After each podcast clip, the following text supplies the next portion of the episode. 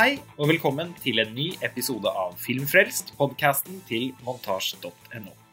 Mitt navn er Lars Ole Kristiansen, og jeg sitter fortsatt her med Sveinung Vålengen og Ida Holme Nilsen for å diskutere årets utgave av den norske kortfilmfestivalen. Og denne samtalen her, den eh, fortsetter da på en måte direkte der vi slapp i den forrige episoden. Vi var rett og slett bare nødt til å ta en liten pause underveis. Og hva tenkte dere var det beste, liksom, isolert sett, visuelle grepet som dere så? Eh, det var noen, det er en film vi ikke har snakka om. Uh, 'Lykkejegeren' av Runar Sørheim. Åh, Det er den jeg har uh, også, i denne kategorien. Ja, har du det? Ok. Uh, for der syns jeg det var flere gode grep. Og jeg, det må jo være en slags sånn digital teknologi som er brukt flere steder. Nei, Sveinung, de fikk eh, pensjonistene til å bli kjempe, kjempe, kjempestore. ja, for da åpenbart Det var flere øyeblikk som jeg tenkte på. Det var flere øyeblikk som jeg tenkte på, men det var særlig det øyeblikket, ja. Med... Nei, jeg har hørt rykter om Sveinung at det var litt sånn analog oppblåsning av uh, intervjuobjektene.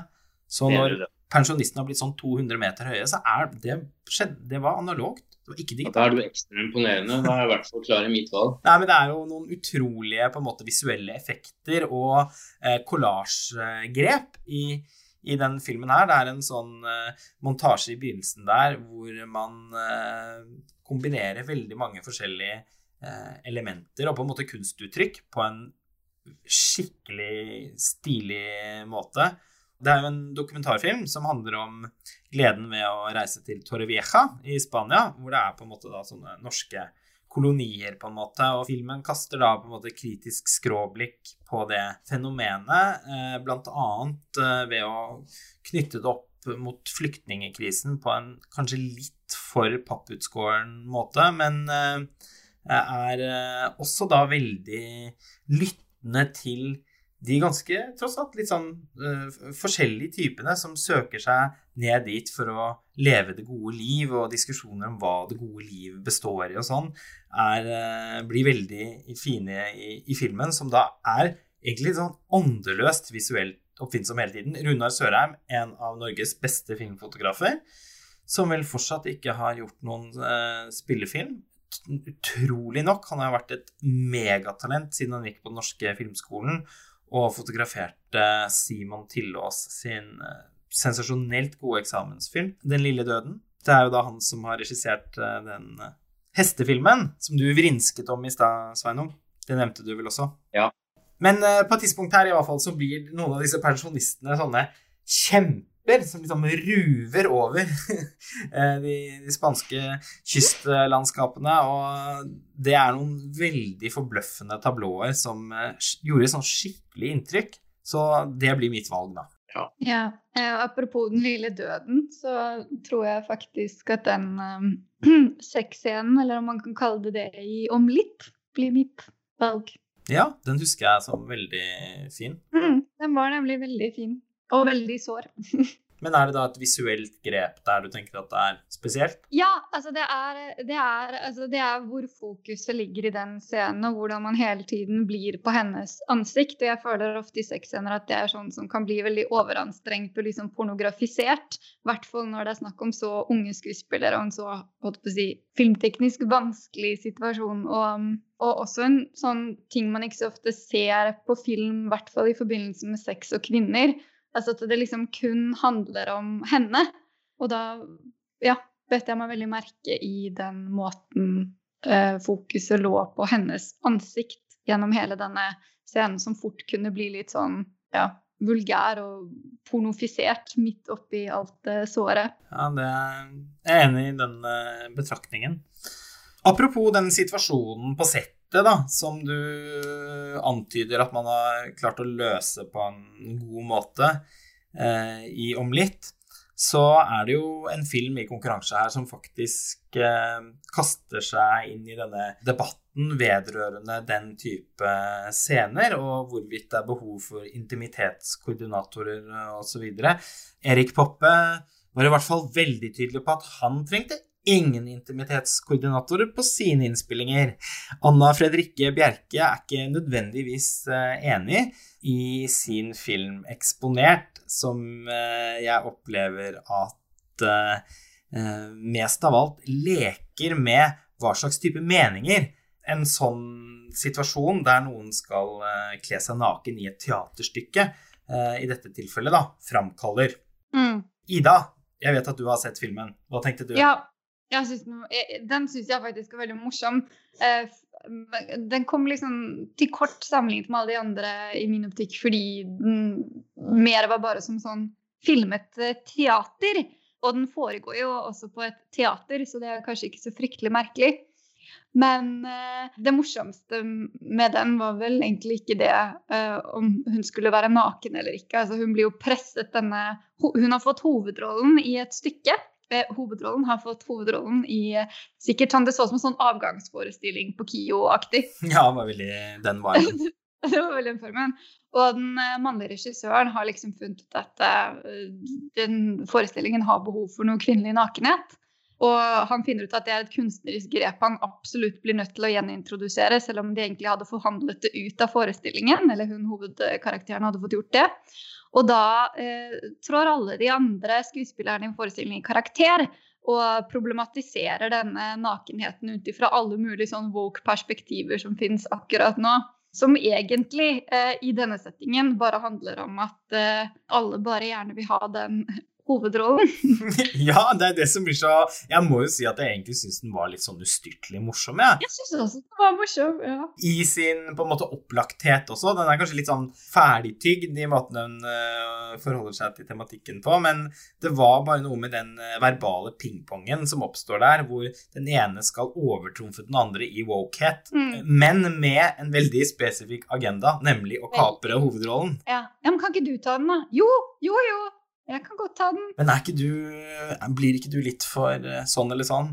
Jo, men på en annen måte Altså, jeg har jo alltid sansen for at filmer i programmet på en eller annen måte litt sånn tydelig kan speile tiden vi lever i. Og det er en uh, opplagt kvalitet, tenker jeg, ved Anna Fredrikke Bjerke sin uh, Eksponert Mm. Vi må videre da med prisutdelingen vår. Og jeg tenker at neste vi deler ut, det er Brian De Palma-prisen for desidert kuleste filmspråklige grep. Oi. og vi har jo allerede delt ut en pris for visuelle grep. Det er jo da en nyanseforskjell her. ikke sant? For et filmspråklig grep, altså det må være da flere eh, filmspråklige elementer som sammen liksom i sin grammatikk klarer å få til noe helt spesielt. Ja, altså når jeg tenker Brian De Palma og på de filmene jeg har sett, så kommer jeg faktisk litt tilbake til en sånn egentlig, selv om det ikke var en av mine største favoritter. Fordi den one-taken på bussen minner jo ganske mye om uh, den åpningssekvensen i 'Casualties of War' av Brian De Palma. Det gjør den faktisk. Ja, i tvil at det er jo en one-take, liksom, i seg selv. Men eh, jeg tenker jo nok en gang ut fra de kriteriene du setter her, da, som på en måte akademiet her i denne podkasten, så vil det jo nok en gang være fortellinger fra dusjen. Ja, det vil jo det, fordi der er det jo faktisk en Brian De Palma Carrie-inspirert split screen-sekvens mm. som er helt fantastisk, da, rett og slett. Uh, og hvor man også spoler frem og tilbake i bildene for å spille ut reaksjonene fra flere forskjellige synsvinkler og gi eh, språk gjennom film til den situasjonen. Jeg ble helt slått i bakken, egentlig. Mm. Ida? Ja, men jeg har ikke egentlig noen eh, Jeg, jeg har ikke sett denne dusjfilmen. Og jeg, jeg har ikke noen god runner-up. Nei, altså denne kategorien her var jo da kanskje litt spesialkonstruert for den. Sånn, jeg, jeg føler ikke for å konstruere en eller annen kunstneriskhet som uh, filmen ikke har. Nei, den er bare egentlig helt utrolig, den filmen. Alle må se den. Uh, hvilken film hadde best produksjonsdesign da, Ida? Ja, da leder vi oss eh, tilbake til eh, yndlings-Sofia eh, en sommer igjen. Ja, hva er det med produksjonsdesign i den da, som er så spesielt? De er jo veldig mye utendørs, så det er mer location. Den er veldig mye utendørs, men nå tenkte jeg faktisk mest på det hjemmet hun bor i. Hun har jo leiligheten eller ja, til foreldrene mens de er på sommerferie. Det ser nesten ut som sånn utkants-Oslo-aktig ut. Det er et miljø som er veldig sånn bebodd samtidig som det er litt forlatt, fordi de personene eller entitetene som vanligvis liksom bebor dette miljøet, ikke er der. Og den romforståelsen da, som, som man har gjort i produksjonsdesignet der, den syns jeg var veldig, veldig godt gjennomført. I tillegg til ekstremt god smak i interiørdesign, da. Veldig. Ja.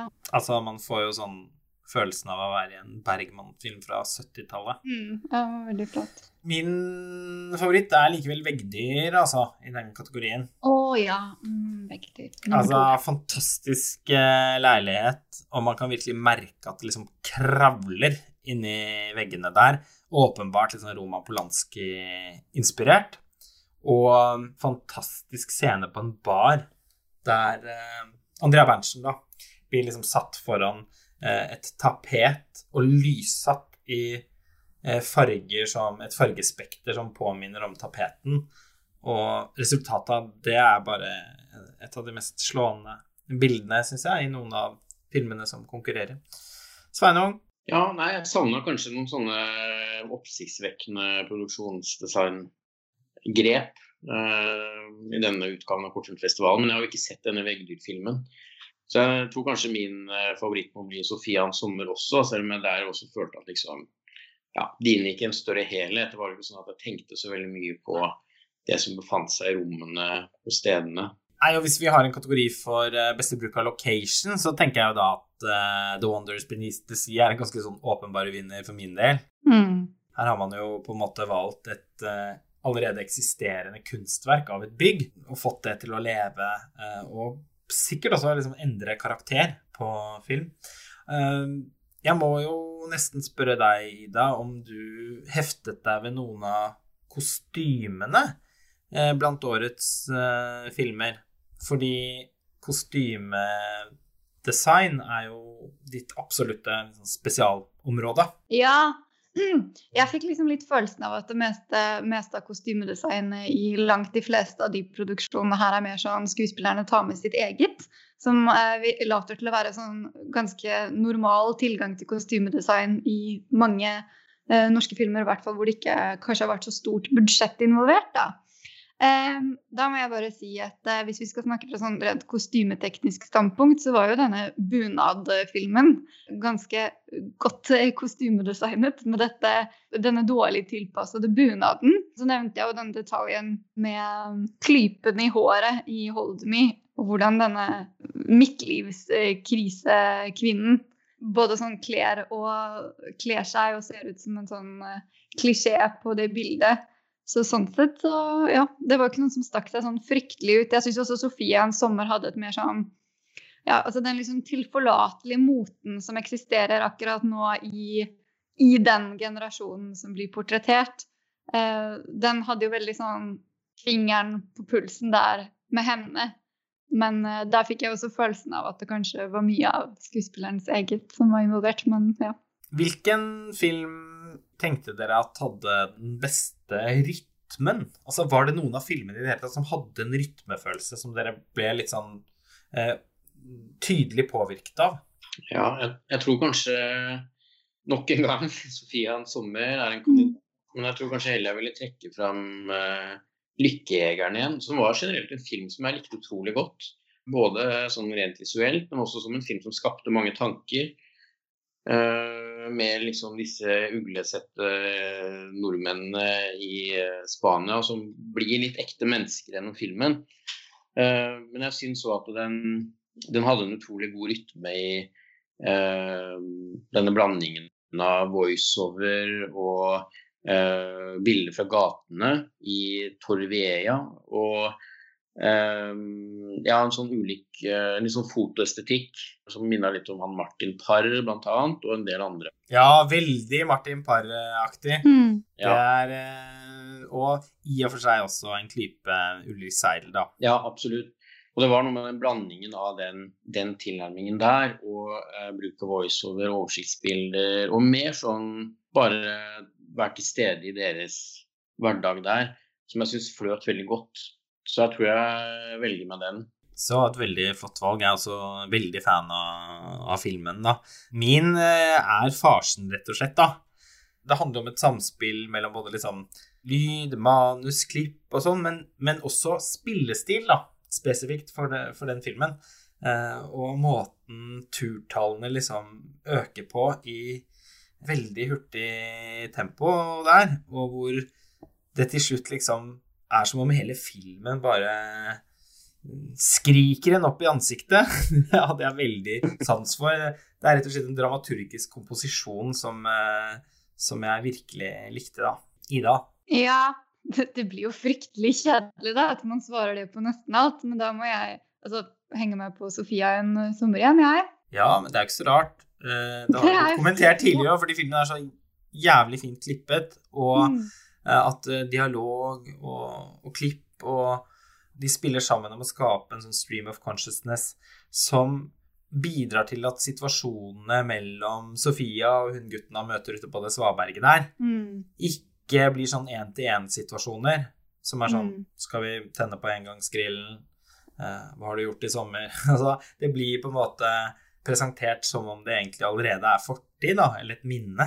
Mm. Eh, kanskje til og med en, en forestilling om noe som egentlig ikke eh, skjer. På samme måte som i filmene til Alain René f.eks., da, så må man på en måte være en aktiv meddikter, fordi hoppene i tid og rom gjør at filmens, hele filmens vesen på en måte blir en litt sånn upålitelig, men samtidig veldig intim forteller. Så jeg kan jo selvfølgelig også skrive noe på, på det valget, selv om jeg valgte denne medisterfarsen. Eh, vi avslutter med en helt spesiell pris nemlig kortfilmkonsulent Lars Daniel Krutskoff Jacobsen-prisen for eh, realness og Gypsies, Tramps and Thieves, som Cher ville sagt det. Og da må i alle fall, da må i alle fall jeg velge den filmen 8007 Marina Apartment. Er du her ute etter filmer som er kanskje litt drøye, litt på kanten? Men også litt sånn eh, Ja, litt røslige, eh, men også litt real. Altså at det er noe eh, som skjer der som, som, som, er litt sant og litt autentisk, eh, men også så tarvelig, da. Mm. At det kanskje ikke engang er noe å lage en film om, men sett gjennom det, et tilstrekkelig interessert og kanskje kjærlig kamerablikk, så kan man likevel skape noe rundt det. Jeg opplever jo at nevnte Krutskov, har fått til det, da. F.eks. i sin siste, i sin forrige spillefilm. Jeg tenker ikke at det, at det skjer i denne Marina Apartment-filmen, som jeg egentlig syns var veldig bedrøvelig. Men det var likevel noe der som klang av en sannhet som gjorde at jeg ikke kommer til å glemme den. Ja, jeg tror jeg velger uh, Transactions. Jeg husker ikke helt nå om den har en norsk uh, tittel. Så noen av dere den? Av Ivar mm. Ja, den så jeg òg. Mm. Det starter med at en mann kommer hjem til en kvinne for å uh, gjøre et kjøp som de har avtalt uh, på Finn. Men så viser det seg at de uh, har jo også hatt et slags seksuelt forhold via internett, hvor hun har gått inn i en slags sånn dominatrix-aktig rolle overfor han. Og han ønsker at hun skal hengi seg helt til han og på en måte bare bli hans. Og så er det noen drøye scener som foregår i denne leiligheten, selv om det fortsatt er litt uavklart mellom de to. Og jeg syns det var eh, en ganske overraskende eh, og litt spennende utvikling som skjedde. Mm.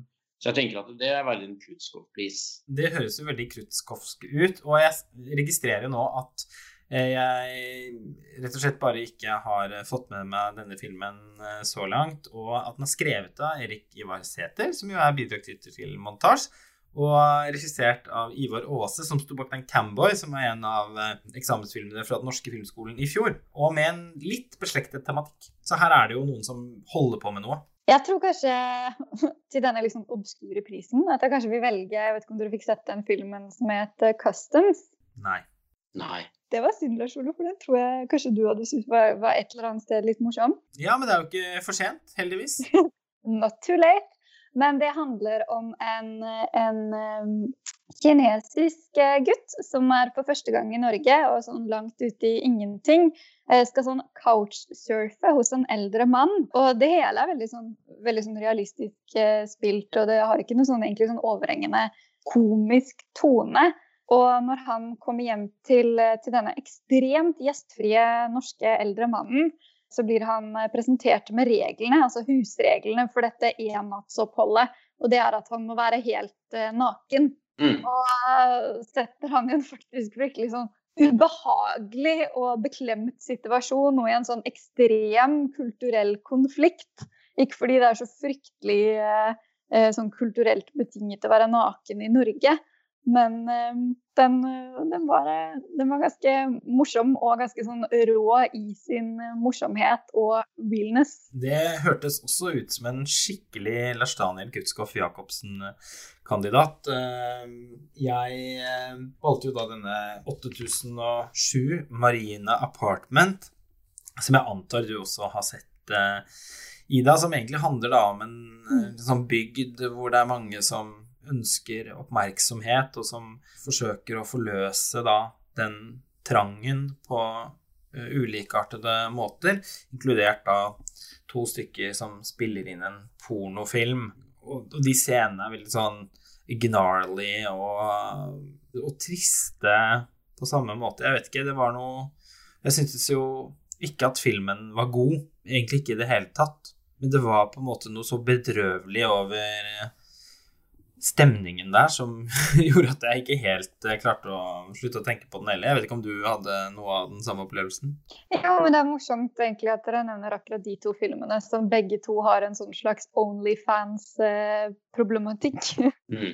Hvor eh, plutselig lett og lukrativt det er å tjene penger på kroppen sin på nettet uten å være quote on quote prostituert. Ja, det var kanskje noe med måten det var framstilt på i den Marina Apartment-filmen, som var så på en måte også ubesudlet av kunstnerisk bearbeiding eller en slags sånn intellektuell forståelse for fenomenet. Det var, bare, det var veldig sånn rent og litt sånn harry, og derfor også fælt. Mm, ja, veldig harry.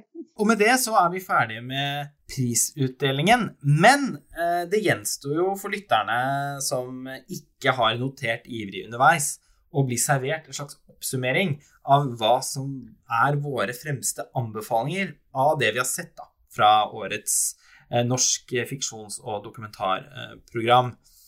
Jeg har forberedt en eh, topp ti-liste som ikke er rangert, bare så det er sagt. Har eh, dere noe tilsvarende? Jeg har en topp fem-liste. Ja, og hvordan lyder den? Det er Sofia en sommer. Om litt. Veggdyr. The Wonders Beneath the Sea og bunad. Det syns jeg var en veldig fin eh, liste. Hva med deg, Sveinung? Ja, eh, jeg har på en måte en topp seks pluss to filmer som jeg syns var litt morsomme, men som kanskje ikke egentlig helt var filmer, da. Så de topp seks filmene som jeg syns var uh, ordentlig interessante eller fine på et eller annet nivå, det er We Are Not Here, Fortellinger fra dusjen, Sofia en sommer, Farsen, Villhester, Lykkejegerne, og så er det og Transactions. Og så er det Carlsens i karantene og Sånn egentlig som de to litt uh, morsomme innslagene. Ja, og uh, vi deler jo en del uh, favoritter, da. Uh, mine er da 'Fortellinger fra dusjen', 'Sofia en sommer', 'Veggdyr', 'Lykkejegerne', 'Farsen', 'Play Schengen', 'Honningeter', 'The Wonders Beneath the Sea', 'Bunad', og Vi er ikke her, som du da også nevnte, Sveinung, men uh, med engelsk tittel. Ja, stemmer. En uh, slags dansefilm, uh, det også? Som har en sånn musikkvideokvalitet, men som likevel var litt mer av en ordentlig kortfilm med de her spøkelsene, eller hva man skal kalle de, som beveger seg rundt og ikke kan sees, føles. Det var da også en slags koronaaksent over denne filmen, var det ikke det? Mm. Selv om eh, jeg skjønte på filmskaperne under intervjuet med ikonet Kalle Løken eh, at eh, det slett ikke var tilfellet, da, at det egentlig bare er tilfeldigheter. Men ja, den har en sånn musikkvideoaktig kvalitet og grundig liksom bearbeidet kunstnerisk uttrykk, som jeg alltid setter pris på. Kunne på en måte vært en musikkvideo for en The Knife-låt. Ja, det var veldig fin syntmusikk i den også. Ja, det var jo også det. Er det noen filmer dere ønsker å løfte fram, eller noen trender eller mønstre dere vil påpeke sånn avslutningsvis? Det er jo en trend eh, i hvis, man skal, hvis to filmer er nok til å utgjøre en trend, så er det jo to filmer her som på ulikt vis tar opp det med kroppspress og en slags sånn usikkerhet, som er veldig gode begge to. 'Sofia en sommer' og 'Fortellingen fra dusjen'. Så det har notert meg. Ja, og kanskje tross alt vår felles topp to. Ja. Hvis man skulle legge til noe i den trenden, så er jo både den eksponert og i prinsippet kanskje også den transactions, hvor avpresningen da blir i form for en eller annen sånn økonomisk utveksling. Um, hvis man skal se det temaet i liksom bredere forstand, så er det jo veldig mange, egentlig veldig mange kroppsfilmer. Og det er jo også flere dansefilmer i uh, det programmet som ja, kan leses inn i den konteksten. Definitivt, og det var egentlig mitt poeng, da, apropos kropp, at det også er opptil flere dansefilmer her, og filmer som utforsker hvordan dans kan være både et visuelt og narrativt virkemiddel eh, på film. Mm. Vi har jo allerede snakket så mye om denne fantastiske fortellingen fra dusjen, eh, og nevnte jo da nettopp denne 'Vi er ikke her', men man kan jo også løfte fram en film som 'Woging with Beethoven'. Ja, enig som var utrolig flott filmet og så ut som sånn ekstremt uh, umoderne tidskoloritt på den absolutt best mulig tenkelige måte. Ja. Men også en dansefilm som Apart, uh, og den som het Headless Again, som var mer sånn eksperimenterende rent dansestilsmessig, da, og da også på en sånn veldig moderne uh, veldig sånn moderne danseform de eh, hadde nok også kanskje mer med kroppen å gjøre enn den 'Voging with Beethoven', eh, som hadde mer sånn musikkvideoformat. Ja, det var jo en slags sånn av Paris uh, is burning. Uh, uh, men helt utrolig flott laget. Hun Emilie Norenberg er jo også virkelig en, en å merke seg. Fantastisk god smak. Ja. og har laget masse fete musikkvideoer. Og hun hører litt til i liksom samme gruppering som Eivind Landsvik og Thea Wistendal og Marlene Lyngstad. Ja, faktisk, når vi er inne på den Voging with Beethoven', så uh, kan jeg jo legge til at uh, når vi snakket om kostymedesign i sted, så er det en film som, som egentlig kanskje burde, burde, ha vært med i den diskusjonen. når, vi, når vi sier det. ja, du, det, det kan jeg skrive under på. Jeg tenker at vi runder av der, jeg. Ja. Som sagt så er det fortsatt mulig å se kortfilm fra årets eh, festival på kortfilmfestivalen.no i noen dager til. Det er jo noe man anbefaler varmt, også fordi det er gøy å liksom oppleve den varierende kvaliteten.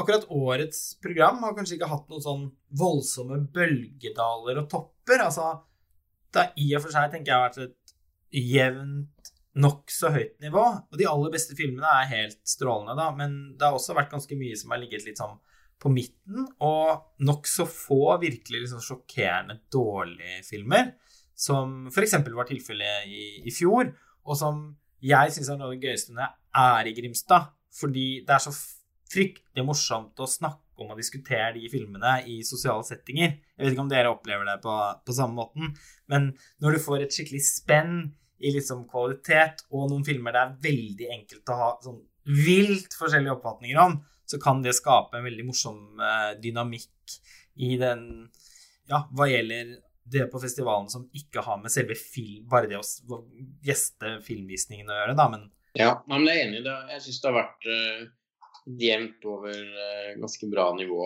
Og jeg har ikke sett mange filmer som jeg syns har vært helt grusomme. Um, og eh, i år som noen andre ganger så er det jo selvfølgelig knytta en slags forventning til at de som lager nok en skikkelig god kortfilm, skal ta steget over i uh, spillefilmformatet, da. Ja, eh, man sitter jo og krysser fingrene for det, fordi Kanskje nettopp fordi at kortfilmen tross alt er veldig sånn nisjedefinert, da. Uansett hvor mye man skulle ønske at den var mer tilgjengeliggjort for publikum, og bedre formidlet til et større publikum, så er det vanskelig å liksom sno seg rundt det faktum at uh, Grimstadfestivalen fremstår bransjeintern. Men uh, som, som nevnt tidligere, så er det jo noen forskjeller her. Altså, det fins jo de som faktisk helt spesifikt interesserer seg for kortfilmen som uh, format, og som utforsker det kunstneriske film etter film etter film, og som ikke har noen ambisjoner om å bevege seg over i spillefilmen. Og det syns jeg jo er en stor uh, gave, på en måte, for uh, det, norske, det norske filmkulturelle landskapet. At de kunstnerne fins. Men de aller fleste lager jo kortfilmer før de lager spillefilm. Ja. Og det gjør jo at Kortfilmfestivalen på mange måter også er litt en sånn eksamenssituasjon for veldig mange. Eh, det første nåløyet man skal gjennom, er jo å komme med. Og det er jo hvert eneste år så mange filmskapere som blir innmari skuffa over å ikke bli valgt inn.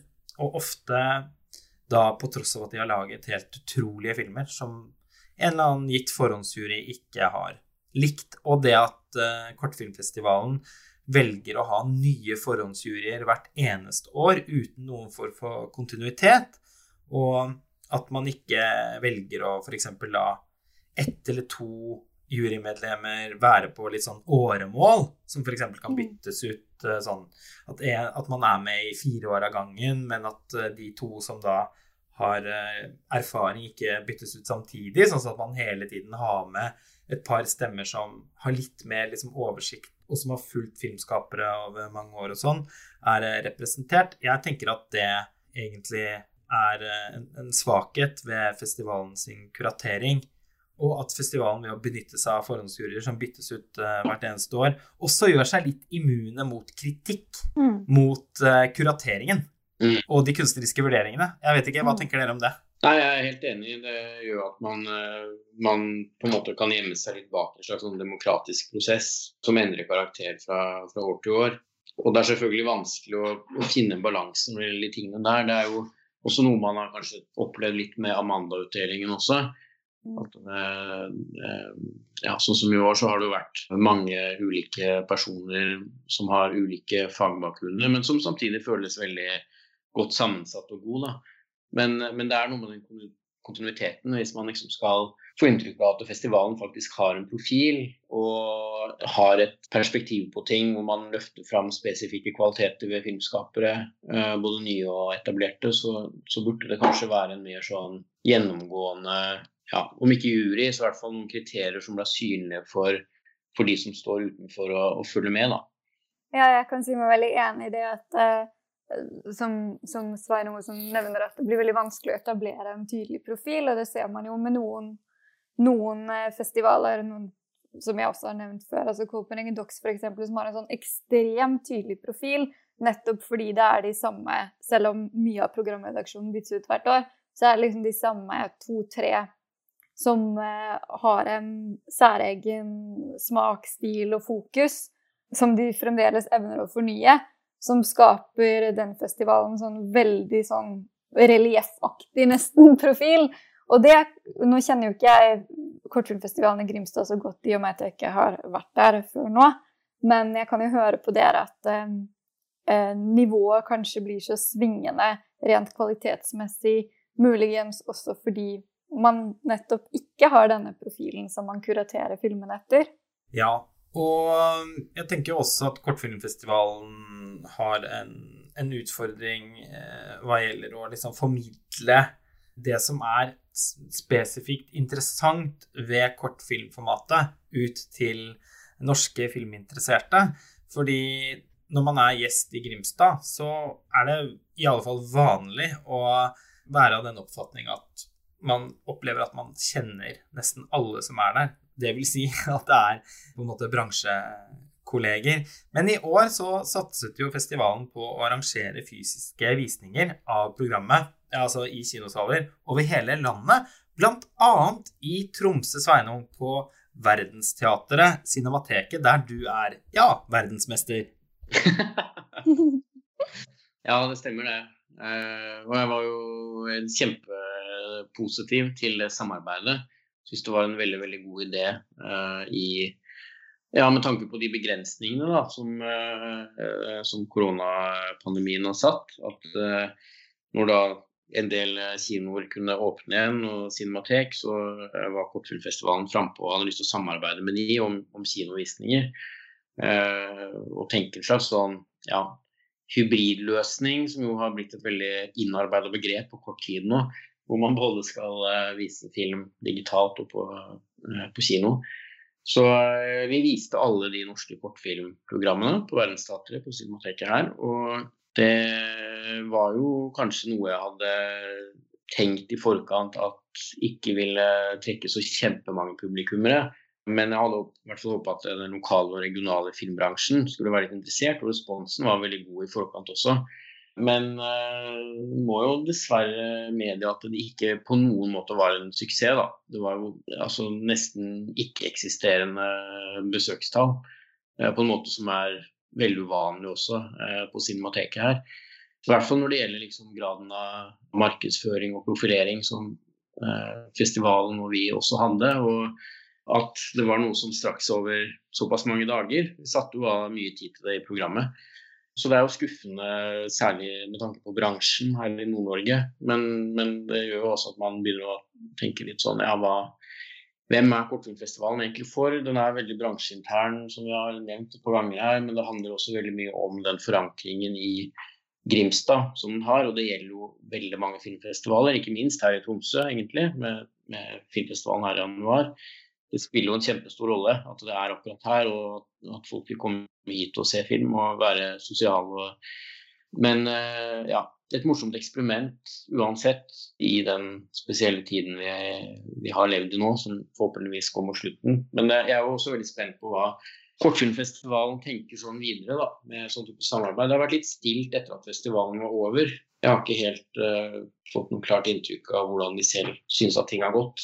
Jeg tenker at eh, det er veldig relevant eh, det du sier om at eh, Grimstad som et sted å være, og Tromsø tilsvarende, har en så viktig verdi, da. Altså det å liksom komme opp til Tromsø med liksom bitende kulde i midten av januar og kjenne smaken av blodpilsen deres, Mack. Som du er veldig glad i? Ja, som jeg har lært meg til å bli veldig glad i fordi at jeg forbinder den med Tromsø. I utgangspunktet så syntes jeg Mack var det kjipeste ved hele festivalen. Fordi det er jo da bare Mack eh, overalt. Eh, og eh, for en som da ikke helt klarte å sette pris på den litt sånn jernaktige smaken i det, i det ølet De første festivalårgangene så er det helt uh, forbløffende, egentlig, hvordan det endret seg til å bli smaken av festivalen, og derfor en, en smak jeg setter veldig stor pris på. Nå skal ikke jeg sitte og reklamere for, uh, for TIFF og MAC, siden jeg selv jobber i filmfestivalen, siden Cinemateket er en avdeling under det. Men uh, forskjellen på Grimstad og, og TIFF er jo også at både man kan godt si at både ølen og eh, filmprogrammet er jo også for et publikum. Det er jo en publikumsfestival. Og det er noe man må jobbe med over mange år.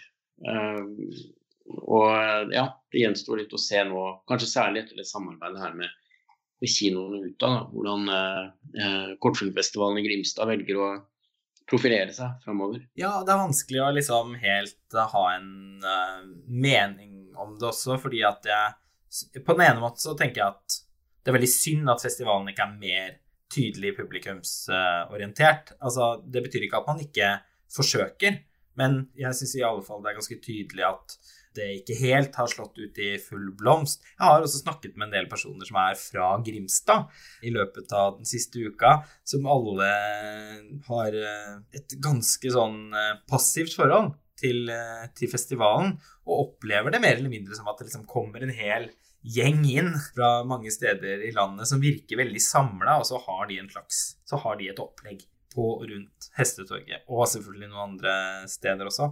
Samtidig så er den litt sånn lukka, klubbaktige stemningen en helt spesifikk kvalitet ved å være på festivalen.